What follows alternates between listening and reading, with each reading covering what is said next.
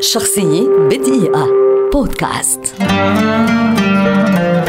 كوستانتين ستانيسلافسكي مخرج وممثل مسرحي روسي شهير ولد عام 1836 في موسكو ويعد واحدا من أبرز عباقرة المسرح في التاريخ وأحد مؤسسي المسرح الحديث. حقق ستانيسلافسكي نجاحه الأول عام 1898 بعد إخراجه لمسرحية النورس لتشيكوف وفي العام نفسه أسس مسرح موسكو للفن بمساعدة فلاديمير نيمروفيتش دانشينكو وقد ازدادت شهرته مع كتاباته التي تصف النظريات التي استخدمها في تعليم ممثليه وإخراج مسرحياته. فقد صاغ ستانسلافسكي ما سمي بأخلاق المسرح عبر الكثير من المؤلفات النظرية التي كتبها خلال فترة متأخرة من حياته وكان أبرزها أربعة كتب أشهرها وأهمها حياتي في الفن عام 1924 وممثل يحضر نفسه عام 1926 إضافة إلى كتابين صدرا بعد رحيله ستانسلافسكي يستعد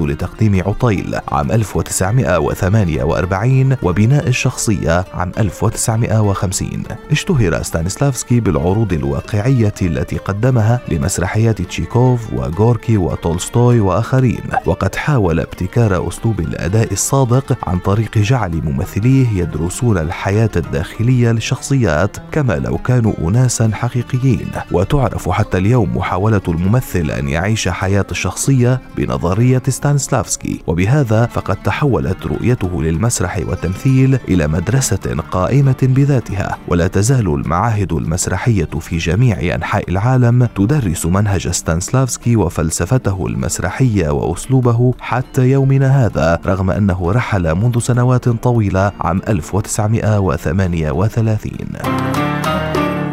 شخصية بدقيقة. بودكاست.